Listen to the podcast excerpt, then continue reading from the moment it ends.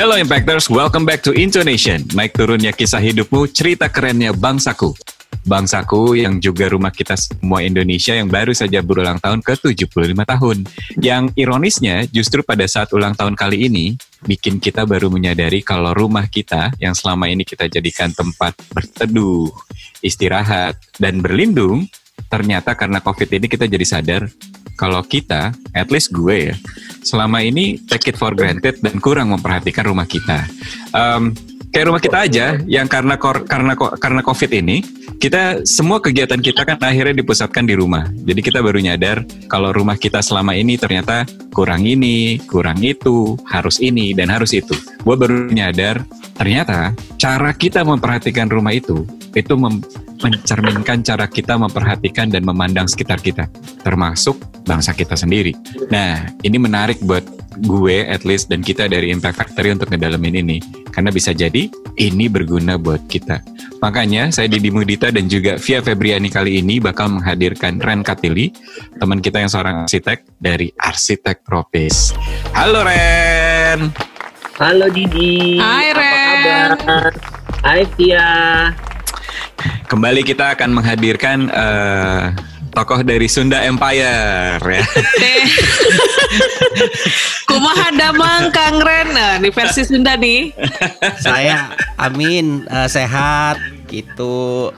Oh itu sehat. Iya sih itu itu saat-saat ini harus kita syukurin banget ya sehat itu ya. Banget banget. Keadaan kantong tapi aman, Ren. Insya Allah aman.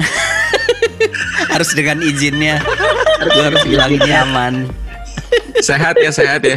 Uh, karena kan uh, apa namanya dugaan orang itu kan sekarang ini kan wah ini kantong orang-orang lagi nggak sehat sehingga apa namanya ya ekonomi kita jadi kacau balau gitu.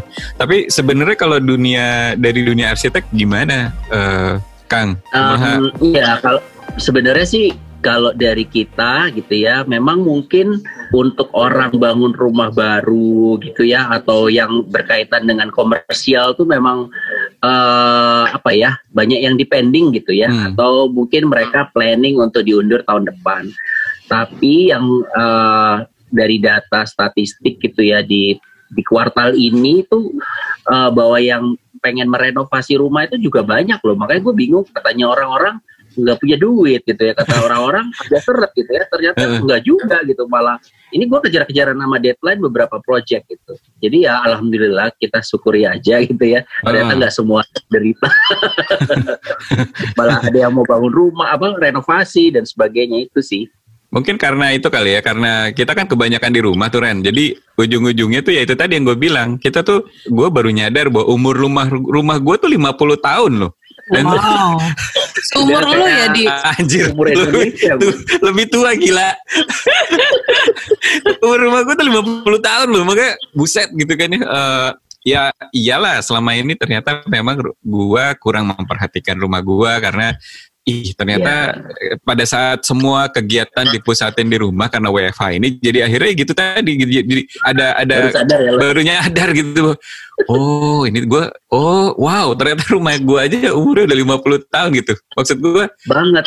Wow gue ya udahlah apalagi sebentar lagi banjir dan awal tahun aja udah kebanjiran tiga kali dalam satu bulan gitu kan sedadak gitu. Jadi gue pikir pada saat pemerintah semua memperhatikan covid dan tidak memperhatikan sekeliling gitu ya karena sebentar lagi berberan wah kacau nih gue bilang ini pasti terulang lagi. Jadi ya udah deh mau nggak mau itu ya juga yang belain. itu yang yang gue rasain sih. Jadi beberapa proyek yang masuk itu memang contohnya kayak ada orang yang datang ke kita cuman kayak ini kayaknya gue butuh ruangan kantor di rumah deh. Karena kan udah mulai work from home dari bulan apa dan dia merasa bahwa benar-benar butuh satu ruangan khusus. Jadi nambah ruangan jadi uh, ke belakang atau bahkan kalau tanahnya udah habis juga bisa nggak ya mas dibikin tingkat di lantai yeah, yeah. dua? Ada yang tadinya carport dijadiin ruangan di atasnya itu terjadi di kita. Jadi beberapa orang tuh akhirnya yang gue tahu mereka berdasarkan kebutuhan gitu ya. Jadi kayak hmm. mereka butuh banget untuk ngantor yang nyaman di rumah. Nah, itu yang jadi banyaknya proyek yang masuk ke kita seperti itu. Eh orang tadi Bukan gue cukup. kan Ren Lo salah satunya deh terakhir Yang baru masuk Gue merasa diomongin soalnya.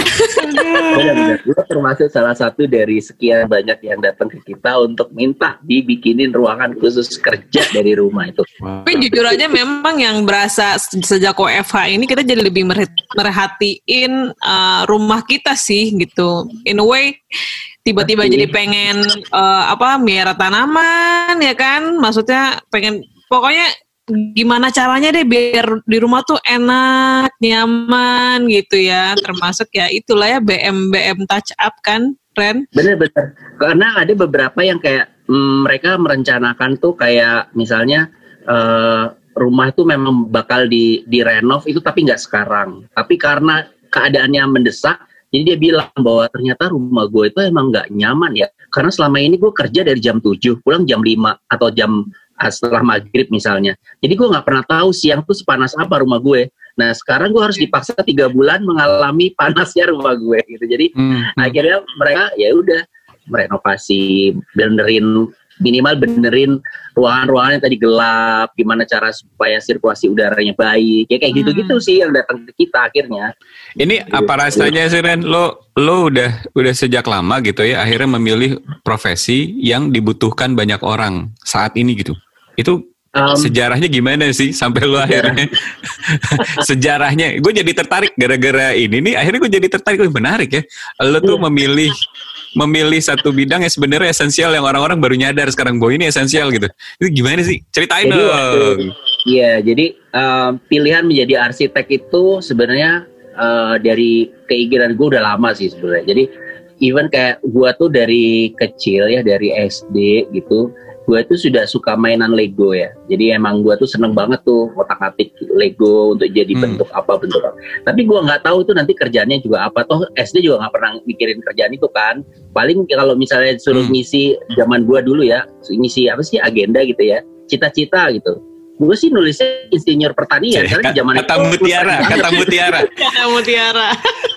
iya kan kata mutiara lah kata kenangan gitu. Tapi pokoknya selalu di zaman itu lo bayangin or- orde baru ya insinyur pertanian itu sesuatu yang sangat seksi gitu untuk jadi Hmm. profesi. Tapi gue nggak ngerti juga tanaman kan. Akhirnya eh, seiring waktu ternyata gue tuh ya seneng gambar. Seneng gambar banget gitu. Sampai gue tuh selalu membantu teman-teman gue dalam pelajaran menggambar. gitu.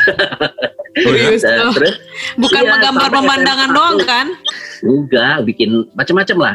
Nah, waktu pas sampai SMA, gue kebetulan kayak dalam satu sekolah yang kan gue dari Surabaya ya sekolahnya, jadi salah satu sekolah eh, favorit gitulah di namanya SMA Kompleks. Cie, Udah di situ, nah gue tuh bukan orang yang berprestasi di SMA. Jadi lu kebayang di SMA yang semuanya pada fisika, matematika, gue adalah satu-satunya orang yang seneng gambar.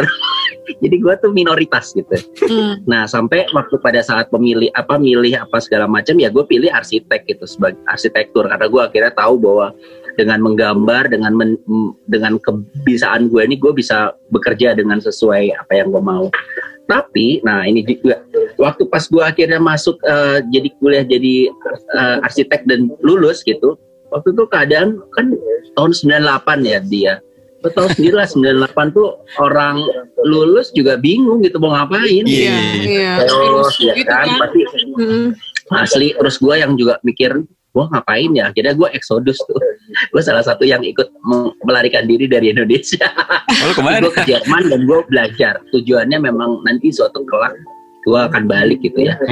Nah jadi keinginan menjadi arsitek tuh tertahan tuh. Yang Hmm. di mana teman-teman gue waktu lulus kayak bertahan di Indonesia mungkin kayak dua tahun kemudian keadaan akan membaik terus mereka apply jadi apa kerja di mana-mana. Dan gue masih di Jerman dan gue belum jadi arsitek. Sampai 2008 gue pulang dari Jerman itu itu pas gue balik itu Krismon 10, 10 tahun ya? Eh, 98? gue 10 tahun di Jerman asli gue 10 tahun di sana Ngapain Eh, aja Ren di sana 10 tahun? Oh itu, aduh itu sedih sih. itu kalau jadi novel kayaknya kalah ya oma mau papa di majalah itu. Tapi anyway pas ya 2010 gue pu eh 2008 gue pulang, gue belum tetap belum jadi arsitek karena kayak kayak universe tuh tidak mendukung gue jadi arsitek gitu loh. Gue berangkat ke Jerman gara-gara Krismon Indonesia, balik lagi Krismon juga gitu. Hmm. akhirnya ya udahlah sampai baru benar-benar gue bisa merasakan gue jadi arsitek tuh setelah 2014 ya. Arti, artinya studio gue berdiri. Jadi nggak gampang sampai ke sana. Lika-likunya tuh belok beloknya banyak banget. Dan termasuk yang di Jerman itu juga nggak nggak seindah yang dilihat orang ya gue pernah ceritakan kayak ke selalu gue selalu menceritakan ke teman-teman uh, mahasiswa kan gue sempat jadi dosen gue bilang untuk jadi arsitek itu ke titik ini gue tuh kayak nggak banyak yang nggak setuju gitu tapi bodoh amat karena gue pikir gue pengen uh, hmm. dan gue orangnya mungkin dablek gitu ya gue gue kejar terus lah gitu apa yang gue mau sampai alhamdulillah ya gitu hmm. sampai sekarang bisa bantuin orang ya tadi rumah cari rumah yang idamannya mereka kayak gimana bantuin beberapa orang bikin kantornya jadi banyak sekali yang benar sih kata Didi bilang ternyata arsitek itu esensi benar karena kita menciptakan tempat untuk orang lain bekerja untuk hmm. tempat lain orang lain hidup gitu hmm. gue pikir iya ya kalau nggak ada arsitek mereka mungkin ngampar kali di luar atau, atau kerja di luaran gitu atau ya. asal asal di lapangan gitu ya, ya. iya hmm. nah itu sih happy-nya di situ. Tuh. Nah, lo ngotot, lo bisa ngotot arsitek selama 20 tahun, berarti kan lo 20 tahun ya? Iya. Ngotot jadi arsitek, kenapa tuh Ren? Enggak. Iya juga ya, gue juga akhirnya berpikir kenapa sih, padahal gue kerja, nih ya, kalau misalnya ada list pekerjaan yang gue udah lalui, itu eh. asli arsitek itu terakhir di, di, di 2000, karena gue pernah kerja kayak waktu di Jerman tuh, ya artinya kan memang untuk menyambung hidup ya hmm. sambil gue hmm. kuliah juga gitu karena gue nggak dapet beasiswa jadi gue benar-benar um, inisiatif sendiri aja gitu jadi waktu di sana pertama kali karena gini gue waktu itu jual apa ya jual mobil kalau nggak salah jual mobil gue waktu di Indonesia buat model gue selama di sana mobil apa Ren? Nah, Wih, mobil gua apa ya dulu ya? Mobil lama lah, butut itulah. yang penting kejual. Udah Tapi bisa jadi modal loh buat Jadi modal sebenarnya kan jadi duit kan. Nah, orang kaya, orang kaya nih pasti nih orang kaya nih. Bapak gue. Tapi artinya nih waktu pas gua ke sana benar-benar uh, segala sesuatu itu kayak berubah 180 derajat. Jadi gua kayak memaknainya ya karena memang habis itu udah gak ada kiriman kan uang yang yang di tangan aja yang jadi pegangan gitu. Nah oh, selama termasuk, di sana termasuk nekat ya berarti Rene. Lu Krismon 98 pada saat justru lagi tinggi tingginya currency lu cabut. Oh gue cabut asli. Itu begitu gue gue pulang eh gue gue jual mobil gue waktu itu gue jadiin Deutschmark gue pegang di tahun masuk koper. Kayak benar-benar mau kayak orang misalnya kayak dari mana terus ke Jakarta. Nah itu feelingnya sama kayak gue. Jadi gue waktu itu benar-benar kayak dari kampung gitu ya bawa duit ke ke negara maju. Sampai sana bingung gitu kayak ngeliat semua serba otomatis. Pokoknya norak lah. Sampai akhirnya ini duit gue simpen di bawah bantal. Yang kayak gitu sampai karena gue nggak mau pakai duit itulah intinya. Dan gue cari kerjaan langsung di di sana. Gue tuh oh. inget banget pekerjaan pertama gue adalah sebagai uh, pencuci piring di salah satu uh, Italian restorante gitu. Jadi bagian gue tuh bi biar gue punya uang gitu. Kalau enggak kan gue bisa langsung balik. Maksud gue kenapa lo eksodusnya ke Jerman gitu maksudnya? Nah, uh, itu kan lagi berkaitan dengan uang ya. Ha. Jadi gue waktu itu search dong. Kira-kira perkuliahan mana yang enggak nggak ngeluarin duit. Cuma dua negara, Swedia sama Jerman. Oh, okay. Yang nggak perlu beasiswa pun tetap lo dapat gratisan gitu loh intinya. Oh, nah, oke. Okay. Itu dan itu gue setahun setahun sebelum gue lulus. Jadi dan waktu itu 97 udah mulai chaos kan. Hmm. Jadi gue langsung switch plan gue. Gue nggak mungkin jadi arsitek di Indonesia. Gue harus eksodus satu tahun sebelum gue berangkat gue belajar bahasa Jerman jadi benar-benar gue niatin gitu. Gue ngambil apalah persyaratan-persyaratan yang diminta oleh kedutaan atau sekolah di sana. Gue ngambil sprachkurs. Gue belajar bahasa Jerman Ush. dari nol, bayangin seniat itu. Gila, sampai gila. akhirnya gua, yang penting gue bisa ngomong gitu. Udah gue berangkat tuh, cabut sampai sana. Ya lumayan lah buat untuk cuci-cuci piring gue bisa ngerti lah apa yang disuruh bos gue. gitu. uh, lumayan lah di situ. Nah gue pernah kerja juga sampai di McDonald's. Jadi uh, eh, gue uh, setelah dari restoran itu gue mulai bisa untuk ngomong dengan orang. Jadi gue bagian garda depan gitu loh, hmm. yang uh, lo pesan apa gitu. Kan semua pakai bahasa Jerman kan. Hmm. Oh iya oke okay, gitu. Jadi gue bisa udah berkomunikasi. Jadi gue nggak ngomong sama panci doang, sekarang udah sama orang gitu di depan. Jadi lumayan tuh. Nah setelah itu uh, jadi kerjaan itu kan sebenarnya ada yang legal dan ilegal. Nah, yang gue itu ilegal. Pokoknya demi duit lah waktu itu. Toh gue ngapa-ngapain gue nyuci doang. Tapi Jerman kan sangat strict ya. Jadi akhirnya dari situ gue mulai diterima di kampus. Gue mulai punya izin resmi bahwa gue sebagai mahasiswa dan gue boleh kerja. Udah dari situ gue mulai cari kerjaan apa pun sambil kuliah. Apa aja? Lo udah pernah kerja apa aja Ren? Cuci Gua- piring gua udah. Iya, cuci piring udah. Gue pernah jadi tukang sapu satu kota, lo bayangin. yang pasukan orange. Tukang sapu Nah, di kota. Gil. Iya, jadi gue tuh bagian winter. Jadi di winter itu gue itu harus membersihkan satu plaza. Lo bayangin ya. Gila Di dingin suhu banget lagi. di bawah 0 derajat, Mm-mm. gue bawa sapu, bawa sarung tangan, pakai Hmm. baju warna kuning supaya menyala malam-malam gitu. Dan gue nyapu. Nyapu satu plaza lo bayangin plaza depan sebuah gereja tuh kan gede banget Gede ya. banget cuy. Iya, gue tuh nyapu dua jam lo bayang. eh, ini di mana sih? Di winter Jerman lagi. ini? Winter lagi. Di winter di Jerman itu di kota Köln. Jadi gue tuh Oh, ya lo tau kan eh, ya gue tuh bagian jadi kayak tempat sampah itu kan ada plastiknya jadi bagian gue tuh kayak ngambil ngeluarin gue masukin plastik kosong yang Hmm. yang udah isi itu gue ikat gue tarik gue masukin ke tempat pres sampah nanti dia di press tuh ya urusannya mesin lah ya yang penting gue Iya, iya. ngumpulin titik-titik di plaza itu tempat sampah yang ada jadi itu Iya. Wow. itu gue lakukan hampir selama winter tuh sebulan jadi ya itu yang gue kira harus nyapu nyapu sampai orangnya tuh bingung gitu loh ini orang kenapa ya mau ya oh itu dulu BU, BU, BU. eh itu gila loh kalau nggak kepepet ngapain gitu. bapak gue juga kalau denger ini mungkin nangis sekarang Tapi itu perjuangan ya Ren. ya. nah masalahnya nih orang Jerman tuh gini dia bilang gini kok kamu tuh rajin banget ya gitu karena dia bisa lihat gue rajin gini lo kalau be- bergerak di suhu 0 derajat badan lo pasti panas dong bener ya Ya. apalagi gue pakai jaket kuning yang sebenarnya itu jaket winter Hmm. jadi ketika gue mau harus balikin si jaket gue mereka dia bisa lihat mana yang benar-benar nyapu mana mana mana yang enggak. Nah karena gue badan gue tuh kayak ikan rebus gitu ya panas banget. Gue buka gue yang paling berasap dibanding yang teman-teman gue dari Kolombia lah dari mana kita kan dari negara-negara ketiga gitu ya. Hmm. jadi gue bilang benar juga ya. Gua gua ngoyo mereka tuh nyantai-nyantai gitu masih ngerokok-ngerokok gitu. Ya udahlah gue pikir dan gue lah yang paling disayang sama sama bos gue ya di sana gitu. Udah, nih ya prinsip gue gue tuh nggak akan pernah melakukan hal itu setengah-setengah. Itu kayak kebawa terus gitu. Jadi oh bodo amat lah gitu. Tapi bener akhirnya gue nggak pernah kedinginan karena gue berasap.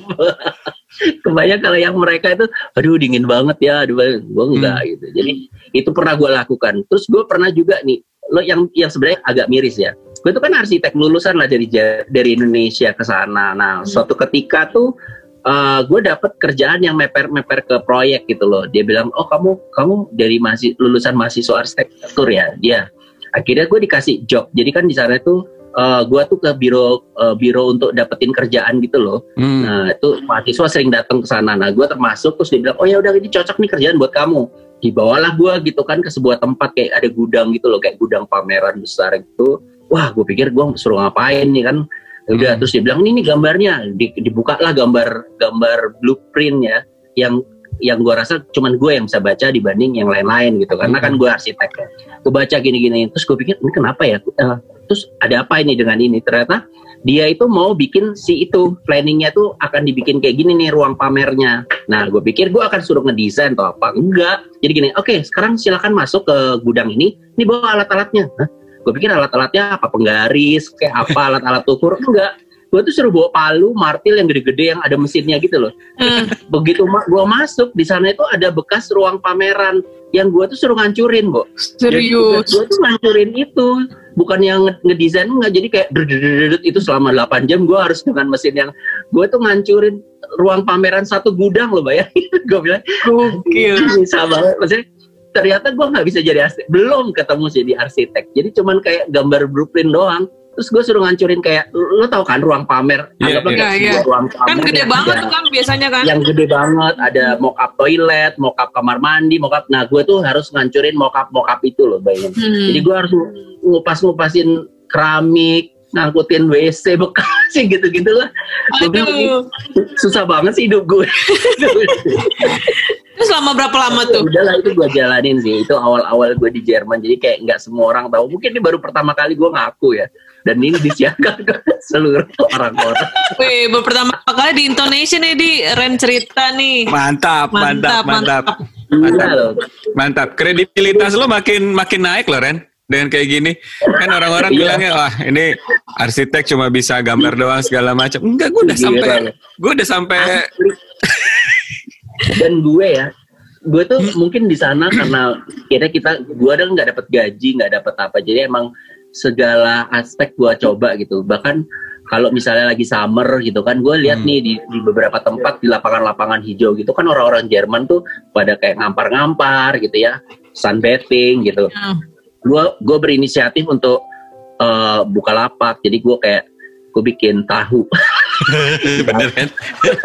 jadi gue pikir ini pasti seru deh kalau mereka karena gue lihat mereka tuh kan makanannya cuma sosis sosis dan sosis kan Hmm. akhirnya gue pikir ah gue mau jualan tahu goreng gue bilang gitu udah tuh akhirnya gue ke, ke toko Asia ke itu Asia Shop. Gue beli tahu berapa biji gue gue bikin kayak segitiga segitiga gitu.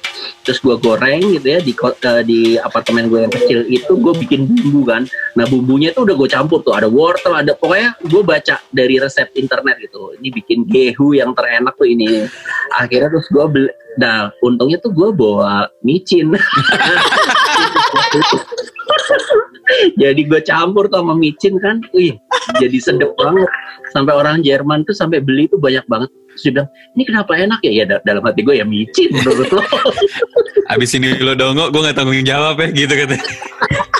tapi akhirnya Aduh. tiap minggu akhirnya jadi kayak tiap weekend gue jualan tahu di sebuah lapangan hijau gitulah gitu di pinggir sungai Rhine. Gue tahu Ya, yang- sekarang, gue tahu sekarang dari mana ide orang-orang yang jual tahu bulat itu dari mana. Iya, terinspirasi dari Ren Katili loh ternyata. jangan sedih. Gue gue pikir sekarang kalau gue jualan tahu ya mungkin tahu gue tuh enak banget ya. Micinnya banyak. Gue tahu nih kalau arsitek tropis tutup, kayak gue tahu lo bakal jadi apa sih. ya itulah. Jadi gue merasa bahwa semua yang kepepet itu pasti ada manfaatnya ya. Nah, jadi pastilah. gue bisa ngapain nah, eh, jadi dengan keinginan gue sendiri aja gitu. Dan itu juga ya ya itulah membuat gue eh, untuk jadi arsitek itu ternyata panjang ya jalannya gitu. Nggak se semudah yang gue bayangkan. Itu aja sih. Nah Heeh. jangan sedih. Setelah itu ya setelah gua karir lo jadinya apa di Jerman nih? Akhirnya gue tuh akhirnya alhamdulillah gue keterima oleh sebuah kontraktor seorang. Jadi tetap bukan jadi arsitek sih sebenarnya. Jadi kayak kerja di sebuah kontraktor gue empat tahun Hmm. sebelum gue balik ke Indonesia itu gue eh, membantu di divisi apa ya. Jadi kayak ada bagian kayak mereka ini kontraktor yang kaitannya sama eh, segala bangunan temporary dari kayu. Nah gue ikut membantu dalam desain di situ. Meskipun saya desainnya udah ada nanti gue tinggal kayak revisi rev- ya itu yang paling paling mepet sebagai kerjaan arsitek meskipun nggak 100% jadi arsitek sih gitu. Nah pada saat itu sih gue mikir kayak eh, kan gue kuliahnya di eh, building in the tropic ya, jadi kayak tentang tropical building gitu loh. Sementara di Jerman sendiri kan kita tahu iklim iklimnya bukan sub bukan apa maksudnya bukan tropis tapi subtropis sehingga Iya. gue pikir gue kurang bermanfaat nih dan kurang berfaedah kalau gue berkarir di sini gitu loh gue tetap kayak oke gue balik ke Indonesia deh gitu karena gue yakin gue lebih paham membangun dengan iklim yang yang gue tahu gitu kan. Ya udah akhirnya gue balik ke Jerman eh dari Jerman tuh tahun 2008 gue pulang. Ketika gue mau melamar-lamar gitu juga gue pikir ah kayaknya gue udah tua banget ya untuk melamar. Sementara eh ya 10 tahun sejak gue lulus waktu di S1 gue pikir eh, kayaknya mendingan gue coba untuk buat biro sendiri gitu kan. Hmm. tapi ternyata ya nggak gampang juga nyari klien di saat itu. Akhirnya gue pikir untuk menyambung Hmm. hidup ya gue nggak bisa nih nunggu-nunggu. Kerjalah gue di sebuah perusahaan gitu. Ini juga gue pikir perusahaannya ngapain gitu ya Kira gue perusahaannya itu di kantornya di Bantar Gebang. Jadi kantor gue tuh dalam Wow. sebuah kontainer di tumpukan sampah 6 meter lo bayangin. Dan gue tuh tahun di situ. Gue bilang ini kenapa sih hidup gue penuh dengan sampah? Gitu. di. Bantar Gebang untungnya gue nggak mulung ya. Gue agak lebih kayak engineer gitu. Jadi kebetulan di sana ada proyek pembangkit listrik tenaga sampah. Hmm. Gue pikir ini sangat menarik Hmm. ya. Jadi udahlah gue di situ gue ngelihat bagaimana proses uh, penyedotan gas apa gas uh, karbon dioksida dari sampah, gas metan itu untuk di Hmm. di convert ke di ke energi gitu. Nah kayaknya tuh karena gue udahlah gue gue jalanin aja ya hidup gue gitu. Akhirnya gue sangat into pada energi. Gue ngelihat oh energi itu bisa dari ini dari itu dan sebagainya. Nah mulailah di situ tuh gue pikir eh, setahun gue yakin kayak gue kerja di mana pun tuh pasti nggak ada yang kebetulan kalau gue gitu kalau gue pasti ada ada yang pasti bisa gue ambil apa pun lah gitu nah kebetulan yang di sampah ini gue akhirnya kayak aware terhadap lingkungan sampah kota terus kota hijau dan sebagainya nah di situlah yang membuka jalan gue untuk gue mainan Twitter nggak nyampe juga ya nggak nyampe ke jadi arsitek tapi tetap kayak gue kayaknya mainan Twitter aja deh Gue pikir apaan lo? Main Twitter lo? Friendster lo nggak? Friendster nggak? Friendster. Kak, iya, Friendster waktu di Jerman lah gitu. Nah, waktu pas di Indonesia, gue udahlah gue mainan Twitter. Nah, di situlah di Twitter itu kan sebenarnya kayak ternyata, nah ini yang penting nih. Twitter itu adalah is all about lu dan konten. Nah, karena pengalaman gue yang beragam tadi itu semua konten ternyata. Jadi gue dipersiapkan untuk membuat konten dalam hidup gue di tahun 2010 start ya gitu. Jadi kayak akhirnya gue ceritakan semua hal-hal itu. Jadi kayak gue bercerita tentang ya jelas ilmu arsitektur yang gue dapat di Jerman. Hmm. Gue juga cerita tentang bagaimana bersihnya atau gue selalu kayak mengambil hal-hal positif dari Jerman tuh gue gue share. Kemudian juga gue menceritakan bagaimana pedihnya gue be- eh, bahwa berjuang gitu ya bahwa di negara maju itu nggak segampang itu juga ya udah akhirnya setelah, setelah itu jadi eh, akhirnya ada deh yang kayak eh, pertama kali nih em, dia melihat kayak eh lu tuh arsitek ya gitu karena kan akun gue arsitek tropis ya di Twitter Iya. Eh, iya, gue bilang akun gue, uh, gue arsitek gitu. Oh berarti lo bisa dong bangunin rumah gue yang rumah hijau gitu. Oh bisa. Di situlah pertama kali gue akhirnya, ih gue bisa ya ternyata jadi arsitek gitu. Dari Klien pertamanya dari siapa tuh Ren? Andira Pramanta. Temen lo gila. Jauh-jauh. ya jauh-jauh tapi ya di situ jadi gue eh, akhirnya di situlah gue mencoba untuk mengeksplor segala hal yang berkaitan dengan arsitektur Iya. di daerah Provinsi. Akhirnya sekarang jadi hits lah ya arsitek yang ya. hits. Eh, hit sih bonus ya tapi paling enggak eh, yang gue senang adalah gue ketemu banyak orang dengan banyak karakter dengan kebutuhan ya yang beda-beda juga tapi ya di situ sih gue merasa kayak wah kebayang kalau gue tuh nggak ketemu banyak orang waktu di Jerman gitu ya di tempat sampah gitu gue akhirnya Hmm. punya bekal untuk bisa ketemu dengan berbagai dengan karakter macam-macam gitu dan gue udah biasa gitu jadi kayak mau ibu-ibu yang ngomel-ngomel atau yang klien yang apa pun ragamnya sama gue alhamdulillah sih langsung lulut ya itu lulut Eh, langsung Hmm. kayak nyaman aja gitu. Ya gitu sih. Gue ngerasa semuanya ada hikmahnya ya.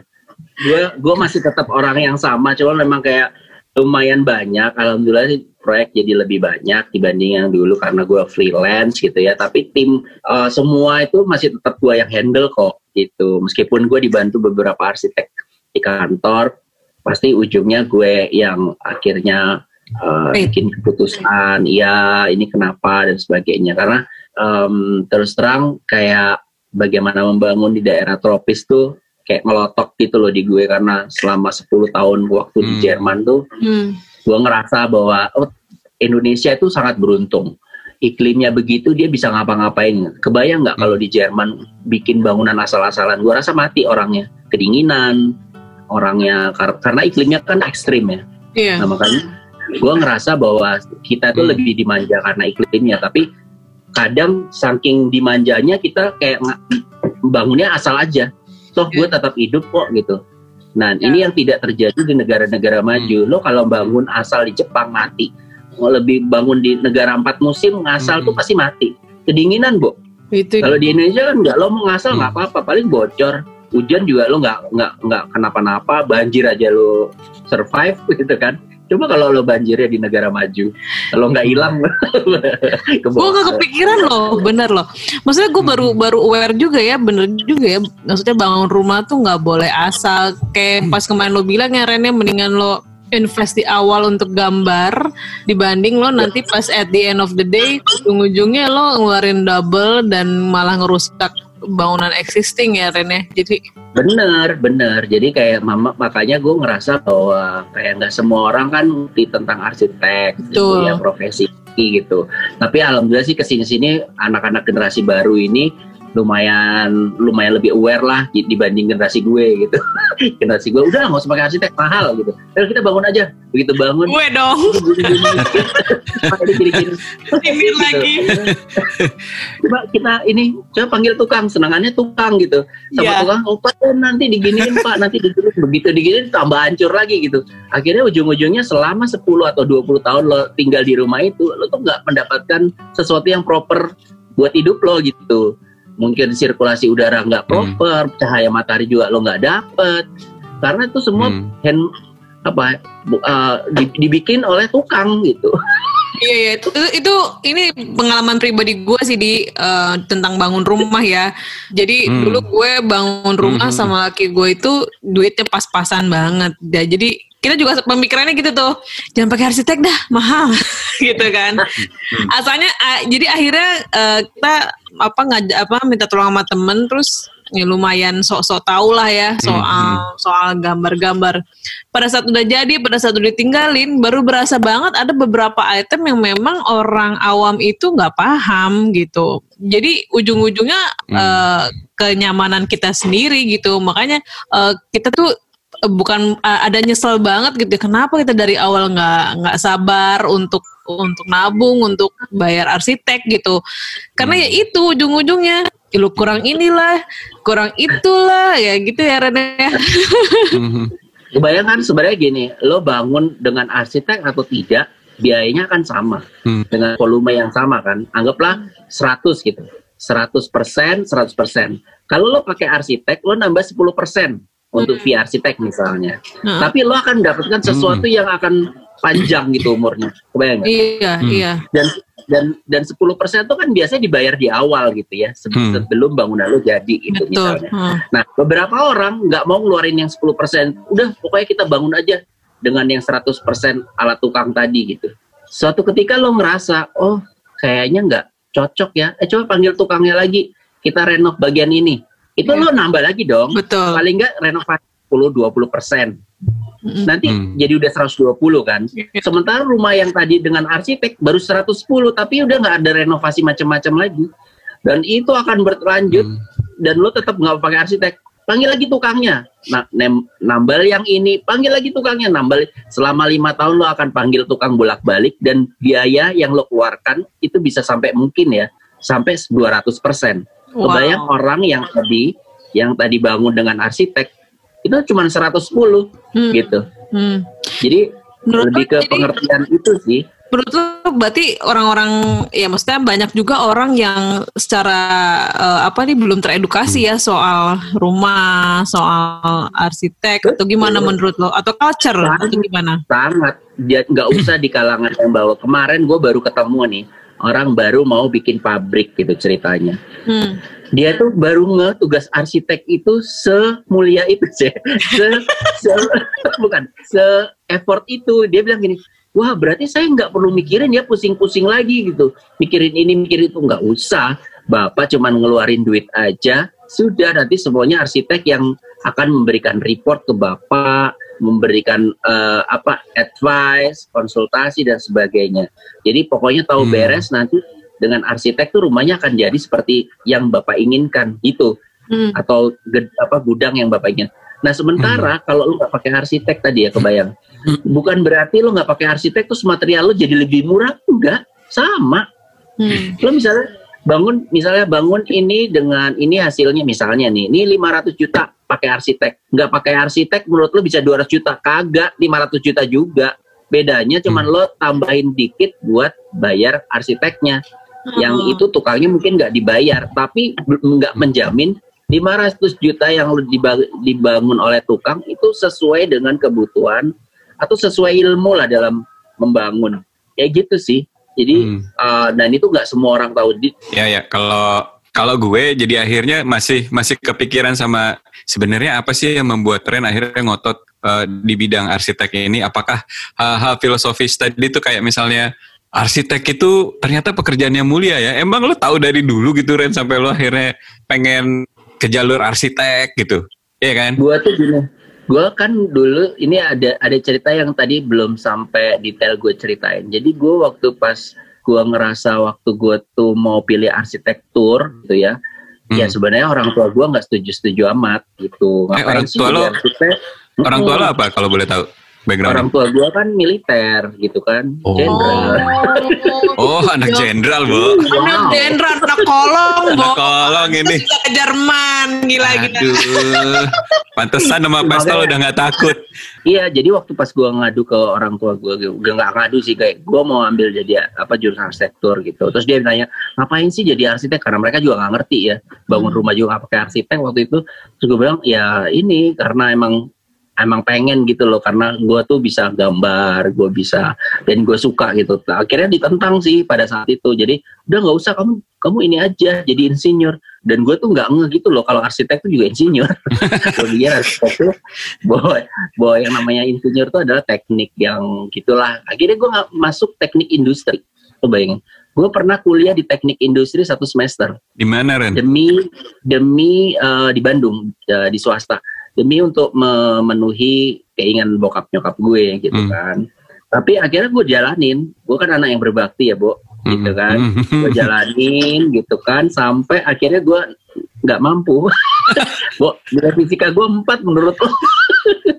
Gue kimia tiga fisika empat kalkulus dan apa segala macam tuh pokoknya di bawah rata-rata. Sampai akhirnya gue give up sih di saat itu emang gue pikir udahlah gue emang nggak mungkin terusin ini karena gue nggak nggak into pada hal-hal ini. Akhirnya gue bilang aja ke bokap nyokap gitu e, kayaknya gue nggak mampu nih nerusin ini.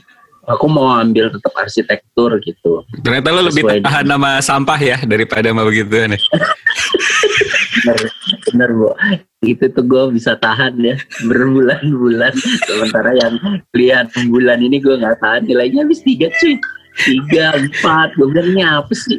Itu akhirnya dari situ sih akhirnya gue niat gitu. Jadi di hmm. situ tuh mungkin kayak gue pengen nunjukin ya ke orang tua gue bahwa gue sudah memilih sesuai apa yang gue pengen gitu ya. Hmm. dan gue harus bertanggung jawab terhadap pilihan gue gitu kan. Dan gue juga sebenarnya uh, pada saat kuliah gue sangat seneng gitu happy banget dengan perkuliahan di arsitektur. Jadi gue tunjukin sih itu dan dan kalau gue nggak jadi arsitek tuh gila. Itu malunya luar biasa kali ya. Hmm. udah ma lo minta pindah gitu ya. Hmm. lo sampai kerjaan juga udah mau ngambil jurusan arsitektur. Masa lo gak jadi arsitek arsitek juga gitu? Meskipun prosesnya panjang alhamdulillah sih sampai sekarang. Dan yang ya sebenarnya itu juga ya yang akhirnya pada saat gue kuliah di Jerman waktu awal-awal bokap nyokap tuh lagi bangun rumah lah istilahnya. Hmm.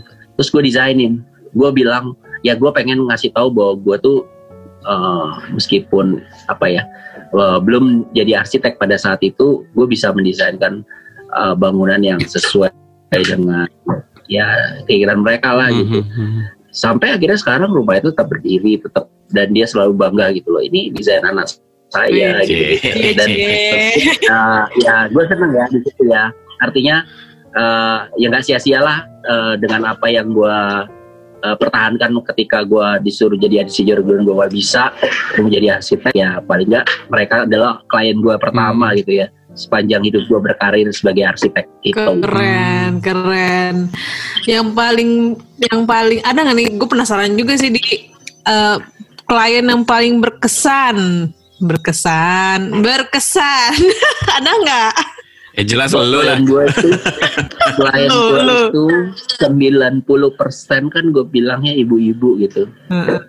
Kebanyakan memang akhirnya ibu rumah tangga lah klien yang paling dekat dengan gue. Dan uh, kalau yang dibilang berkesan, gue tuh hampir karena gue handle semuanya sendiri. Hmm. Jadi gue tuh punya kesan masing-masing gitu. Kalau dibilang berkesan ya semuanya itu berkesan. Bahkan gue itu hmm. bisa menceritakan momen-momen ketika gue membangun rumah itu gitu. Hmm. Dan dan yang seru adalah uh, semua punya cerita yang menarik. Yang artinya mungkin yang ini begini yang ini ceritanya nggak kalah seru. Setiap rumah setiap klien yang gue desain. Jadi gue kemarin sempat ulang tahun studi arsitek tropis yang kelima. Hmm. gue undang 24 klien gue yang ibu-ibu itu semua. Gue kumpulin dari satu kita makan malam bareng. Dinner ulang tahun gue lah tiup lilin dan sebagainya. Dan di situ gue kayak open mic gitu. Jadi gue kasih uh, mic ke uh, para klien gue untuk ceritain aja kalau mau curhat atau mau apa pun mau mau komplain silahkan gitu. Alhamdulillah dari 24 itu mereka happy ya, artinya gini, mengumpulkan 24 orang klien yang belum tentu happy semua dalam Iya. satu ruangan itu kan bunuh diri ya untuk untuk orang arsitek. Aku bayang kalau satu saya tuh nggak suka dengan desain misalnya gitu. Saya tuh nggak puas dengan itu. Itu kan yang 20 20 yang lainnya kan oh iya juga ya saya nggak puas. Alhamdulillah tuh 24 nya puas semua cuy. Jadi gue tuh sampai terharu. Mau nangis gue rasanya kayak mereka. Mereka cerita. Masing-masing yang gue tuh sampai eh, kayak dia bilang gini, saya tuh sampai berantem loh sama suami saya. Tapi untungnya karena arsiteknya Mas Ren gitu ya, itu yang menguatkan saya. Gue bilang, wow, sampai Wow, lu nabi ya. Gua, Lu nabi ya, Ren. di, di situ sih gue merasa bahwa pilihan gue sebagai arsitek tuh luar biasa mulia ya, bisa mempertahankan Yeah. rumah tangga, bisa bisa menyelesaikan masalah-masalah yang Oh, ya. mungkin gitulah sampai kontribusi segitu. juga loh untuk ko- apa profesi arsitek itu kontribusi untuk keharmonisan rumah tangga ya. Iya, asli, Bo, menurut lo. Bahkan kayak gini misalnya, aduh aku tuh pengen kamar mandinya tuh eh, kaca aja, Mas, gitu. Eh, eh, kata si suaminya gitu. Istrinya, nggak mau, aku nggak mau. Aku biar bisa lihat kamu. Dari jadi jadi kamar mandinya tuh dia pengen yang sekingki itu. Sampai gue harus milih gini, ini gue bikinnya pakai tembok apa pakai kaca? Itu gue bilang itu dilem- dilematis banget ya akhirnya gue tau nggak Itu gua- di dia. Ran itu di Apa? dia. Ran. Kagak, malah gue curiga itu lu, Vi. Gitu. malah gue curiga itu lu. Kayak mengingatkan lu zaman-zaman dulu gitu ya, Vi. Wah, lu kacau lu, Vi. tapi anyway ya akhirnya gue bisa memutuskan bahwa semua itu jadi ini yang kesuksesan buat tim apa kuncinya jadi gue tuh selalu eh, membela ibunya bukan apa-apa jadi gini kalau desain gue disetujui oleh istrinya Hmm. gue yakin suaminya akan ikut at the end of the day Decision maker tetap ibu rumah tangga ya Betul. berarti. Kalau me- mem- mem- me- apa? Kalau approval dari suaminya, belum tentu approval dari istrinya. Tapi kalau approval dari istrinya udah dijamin 100% approval dari suaminya. Jadi gue pikir apa pun yang diinginkan oleh ibunya, gue akan kejar sampai gue gue bisa bikinkan, gue puaskan tuh. Ini gue bilang, baik bu, saya tidak akan pakai kaca seperti sama suami. Ya bagus mak, jangan bikin gitu. Saya kan makin lama juga nggak akan makin seseksi terus gitu. baik bu. Terus kata suaminya gini, boleh eh, kamar mandi tidak pakai kaca ya, Mas Ren. Tapi saya minta di langit-langitnya pakai kaca. Oh di dia. Tetap. itu itu Lah kok gue sih? ya kagak lah. Ren, terus jadi gimana? Eh, apa namanya? Setelah lu mempelajari arsitek ini, Ren, Mm. lu eh, cara pandang lu semakin ke sini gitu dengan perjalanan gitu. Eh, Mm-mm. yang yang tadi kan gue sempat bilang di opening bahwa cara pandang kita dengan terhadap rumah tuh ternyata mempengaruhi cara pandang kita ke sekeliling gitu. Itu lu gimana? Apakah lu gitu juga? Apa gimana? Apa yang lu dapat selama perjalanan lu selama menggeluti arsitek ini gitu jadi? ya jadi eh, ketik jadi cara pandang orang terhadap hunian gitu ya dan gue juga memandang bahwa hunian itu gue selalu bilang karena pendekatan gue selalu kepada kenyamanan jadi gue merasa bahwa rumah itu kayak baju sih sebenarnya. Harus senyaman itu. Hmm. dan harus sesuai dengan karakter lo juga gitu. Lo nggak mungkin dong pakai baju ala rocker gitu atau baju ala yang lain gitu. Lo harus pakai baju yang sesuai dengan style lo sendiri gitu. Nah gue melihat bahwa ternyata rumah itu memang se- sepenting itu seperti sandang pangan dan papan gitu ya. Jadi eh, kayak baju dia tuh harus membuat nyaman dan dia juga harus bisa melindungi lo gitu nah itu yang gue tangkap bahwa orang mungkin di awal tuh menganggap rumah itu hanya sekedar ala kadarnya gitu.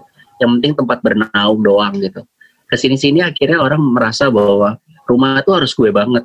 Harus gue banget tuh lebih kepada kayak akhirnya pada sadar bahwa ada ruang-ruangan yang nggak perlu ada.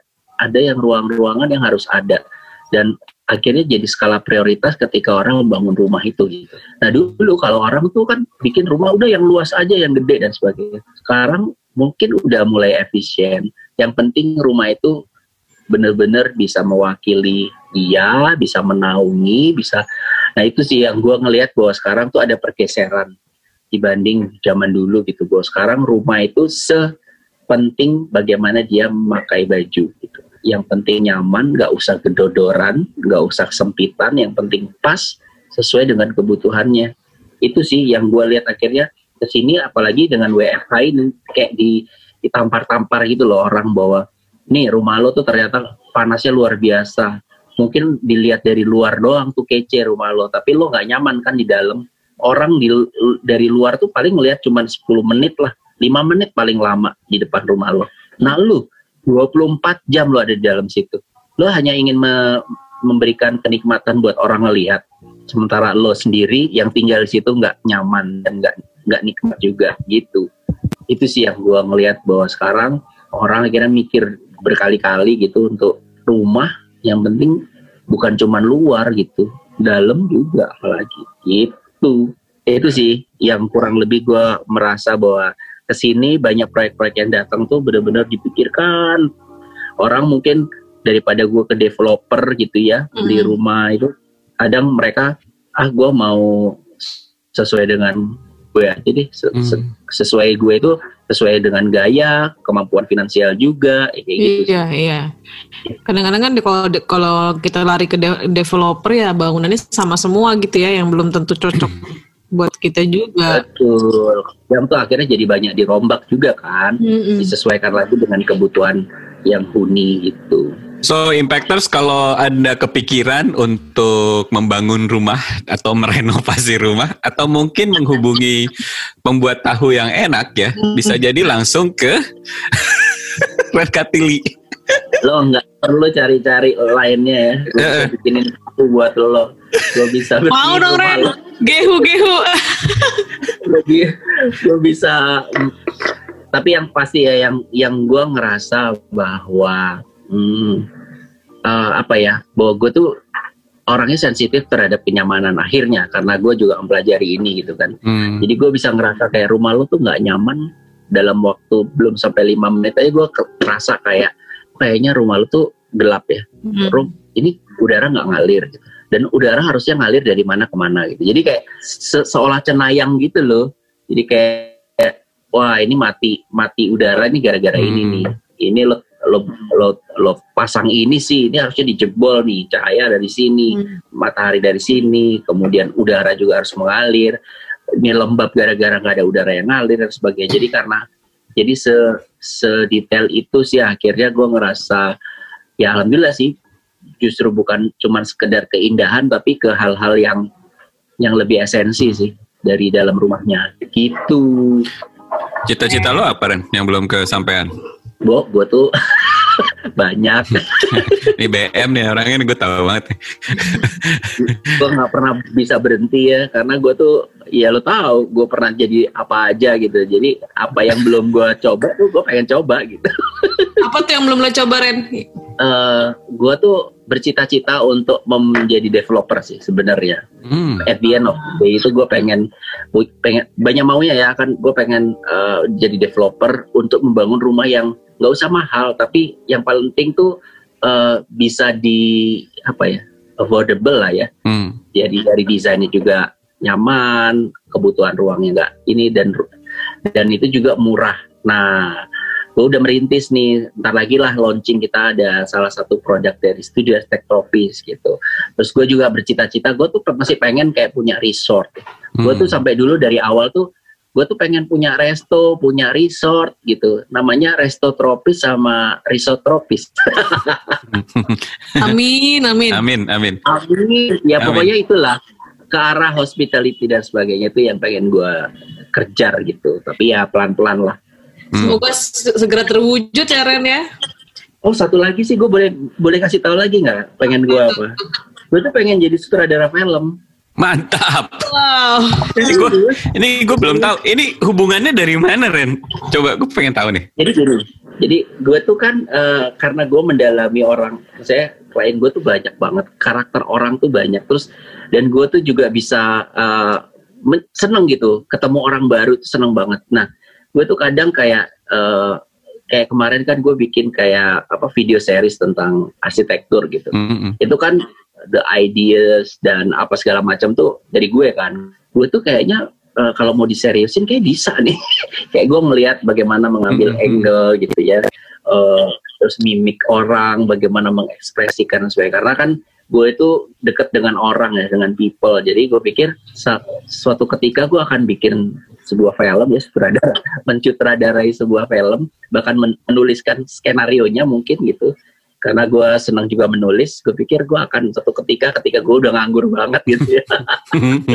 Udah udah udah udah udah bisa melepas segala macam yang berkaitan dengan arsitektural. Ini gue akan mencoba untuk bikin film sih. Kayaknya itu ya cita-cita gue. Drama ya drama ya. film drama ya film drama nih kayak ini oh drama dong jelas. Jadi gue itu sekarang sedang menyusun buku tentang kantor gue studi arsitektrofis kalau nggak salah gue pernah sharing kan tapi genrenya tuh kalau buku-buku arsitektur tuh kan gambar uh, gitu ya uh. tentang ini zonanya apa gue itu akan menceritakan uh, behind the scene-nya jadi Asik. kayak gue tuh menceritakan hmm. arsitektur dalam bentuk novel jadi interaksi gue dengan para klien gue itu adalah sesuatu yang sebenarnya worth it untuk diceritakan hmm. karena bisa jadi jadi inspirasi untuk beberapa orang yang mau pakai arsitek. Oh ternyata se setidak menyeramkan itu ya berinteraksi dengan arsitek atau mungkin buat arsitek-arsitek muda gitu bagaimana menaklukkan para klien gitu oh, hmm. oh, mungkin bisa di, di, dilihat dari bagaimana cara berinteraksi. Ya kayak gitu, -gitu sih. Oh, itu yang buat sekarang lagi iya lagi susun novelnya Ren, ngobrol sama lo tentang ya. arsitek tuh kayak bu, kalau buat lo arsit dunia arsitektur itu bukan arsitek ya. Jadi apa dong sebenarnya kalau buat lo? Jadi jadi gue tuh ternyata ya, gue tuh punya passion. Ternyata passion gue nggak arsitektur tok gitu. Gue tuh passion banget ketemu orang baru. Meet the people. Gue seneng oh, banget. Oh. Nah, arsitektur tuh adalah sarananya. Jadi ketika orang datang ke gue hmm. itu kan banyak banget nih orang-orang punya permasalahan. Gue tuh pengen pengen gitu bagian jadi problem solve-nya mereka gitu dari desain. Tapi kan ya itu ternyata bukan cuma sekedar menggambar tapi justru interaksi di in between ketika proses itu berjalan gue enjoy banget. Seru sih ya Rene ketemu orang baru ya. Ya, iya, kayak kemarin gue ketemu ketemu lo dengan suami gitu ya, gue bisa melihat gitu mereka ini kayak salah bangun rumah. Kasih loh. mereka ini kayak salah bangun rumah banget ya, sampai begini banget tuh, misalnya gitu. Ini harus ada yang terus gue gue dengan telatennya memberitahukan memberikan uh, cara pan karena kan gue sangat visual ya mungkin hmm. beberapa gimana sih maksudnya? Iya gue bilang ini nanti ini dibongkar ini nggak perlu ada void karena void ini akan jadi satu space yang jadi jauh lebih berguna daripada ruang kosong kayak gitu. Hal-hal kayak gitu kan yang mungkin nggak nggak terpikirkan oleh lo di awal membangun rumah gitu. Atau uh, ketemu Didi di awal gitu ya misalnya. Ya ampun nih bener gitu. Ini kocak banget sih dia dia dengan problem rumahnya tuh kocak banget menurut gue kayak banjir terus banjir air dari dalam gitu kok wow gue tuh baru baru, baru kali lain yang airnya tuh keluar dari dalam bang, dari tanah. Iya. Itu iya dong. kayak sesuatu yang nggak pernah ada di di, di lo lo memi, lo kalau bangun rumah kan memimpikan bangun kolam renangnya gitu. Eh lo kebayang nggak sekarang? Lo hidup di kolam renang. Rumah lo tuh semuanya udah kolam renang. Makanya gue tuh um, sangat sangat mengagumi klien-klien gue itu ya dengan problem masing-masing. Yang nggak mungkin satu dengan yang lain tuh bisa dibandingkan. Kalau misalnya tadi lo bilang spesial apa ya semua spesial lah lo bayangin. Ada orang punya, punya rumah air di iya. dalam. Tapi menarik sih ya kalau lo cerita sama behind the scene itu yang bisa jadi dari buku Ren. Abis dari buku terus jadi bisa jadi film tuh. Nah rencananya pun begitu. Jadi yang mungkin gue pikir nanti suatu ketika gue akan bikin casting ya. Mungkin butuh cameo. Ser seseru itu sih harusnya. Seru, seru, seru. Iya, iya, iya, iya. Emang uh, gue akuin sih, uh, maksudnya eh, kemarin pas ngobrol sama Ren pengalaman pribadi gue, sebelumnya gue jujur aja memang ngobrol juga sama arsitek lain, tapi gue nggak satisfied makanya gue tetap cari lo gitu. Wah ini pemuas ibu-ibu nih. Pemuas ibu-ibu. Jadi kayaknya jadi arsitek butuh soft skill ya, soft Hmm. skill Betul, menghadapi itu. Jadi ya makanya gue bisa bertahan dengan ibu-ibu. Kadang ada, misalnya gue ngobrol sama teman-teman gue gitu kan, lo tuh betah banget ya atau lo tuh seneng banget ya berada di antara mereka. Gue bilang, "Eh, gue tuh merasa hidup. gue merasa lebih bermanfaat gitu di antara mereka gitu kan. gue curiga di Gitu. dalam diri gue sebenarnya ini ibu-ibu deh. Gue rasa di karena gue tidak di bapak-bapak. karena gue tidak pernah seintens itu dengan klien gue kecuali sama Didi. Nah, Didi kan sama. Ibu tuh perangkap di badan bapak-bapak. Luar biasa. aduh, aduh. Oke. Ya udah Ren, Eh, Ya. apa namanya?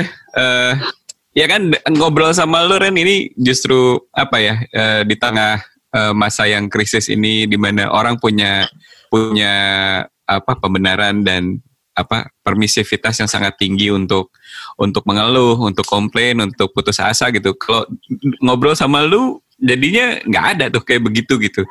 Eh, isinya isinya asik dan dan energize dan dan apa namanya dan eh, optimis ya gitu.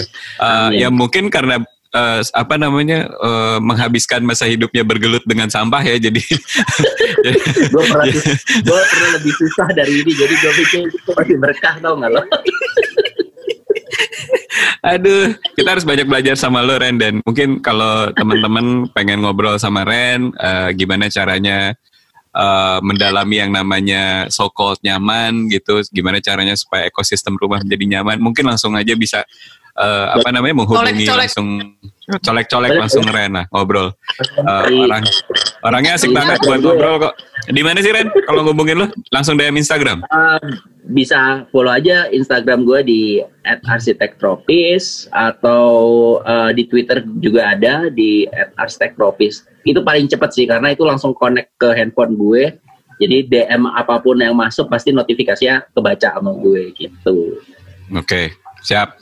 Ini terakhir nih Ren. Gua pengen lu eh, di era sekarang nih kan yang tadi gue bilang banyak yang makin nggak pede gitu kan ya.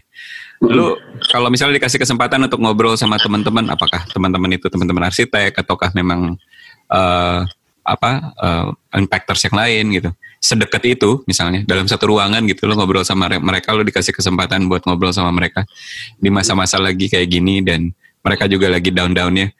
Lu lu mau sharing apa Ren? Mau ngomong apa ke mereka gitu? Kalau kalau dikasih kesempatan. Oke ya teman-teman ya, eh, boleh dong di share. Kalau gue kan pengen banget ya tadi gue udah bilang gue pengen punya rumah murah buat semua kalangan gitu ya. Karena gue yakin di Indonesia nggak semua orang punya kesempatan punya rumah gitu karena mungkin tanah mahal atau bangunan yang susah untuk di ini. Nah kalau teman-teman hmm, kira-kira mau ngapain sih 5-10 tahun ke depan? Kalau gue sih akan ke sana dan itu semua akan gue capturing dalam sebuah bisa novel, bisa film, bisa video series, apa pun. Yang penting prosesnya akan ke kerekam gitu dan bisa kebaca sama teman-teman. Kalau teman-teman ngapain? Gitu. Mantap. Intinya impactors jangan lupa untuk capturing your dreams. Justru momen-momen yang pas untuk capturing your dreams, untuk nginget-nginget lagi, itu justru sekarang ya Ren ya. Yes. Pada Betul, saat. Masa-masa lagi justru kita lagi down-downnya ya. Iya. Oh iya, so- uh, soal yang kayak tadi ya, misalnya gue tuh mungkin gue sama partner gue yang uh, di studio Sektropis ini kan gue, gue berpartner ya. Mm-mm. Gue tuh punya satu visi sama dia, jadi kayak sesusah apa pun gitu ya, sesusah apa pun keadaan, gue yakin rezeki itu sudah diatur.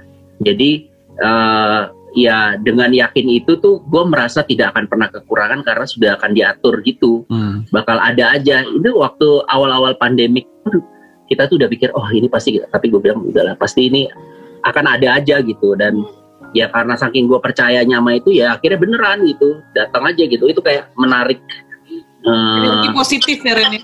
energi positif iya. Jadi gue ngerasa kayak akhirnya bener pas pandemik, loh kok ini ada yang tiba-tiba ada yang mau bikin kontrak dua rumah, ada yang pengen ketemu, ada yang, sementara itu semua dalam masa pandemik gitu. Jadi gue pikir bener ya kayak nggak perlu ada yang terlalu dikhawatirkan karena semua itu udah udah ada yang ngatur gitu.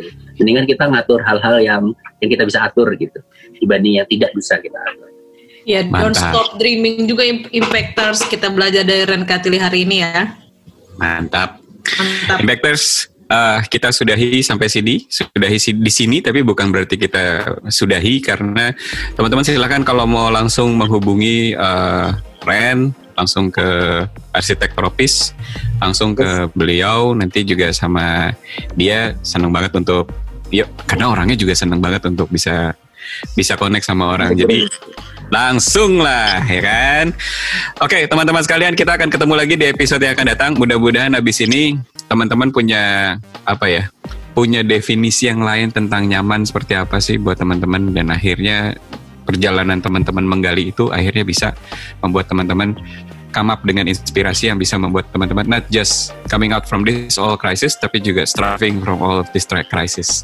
Dari saya Didi Mudita dan juga ada Fevi, Via Febriani di sini, juga ada Ren Katili dari Arsitek Propis mengucapkan sampai ketemu lagi di lain kesempatan. Thank you Impactors, bye bye. Kita Bye. ketemu lagi di Indonesian. Bye bye. Bye.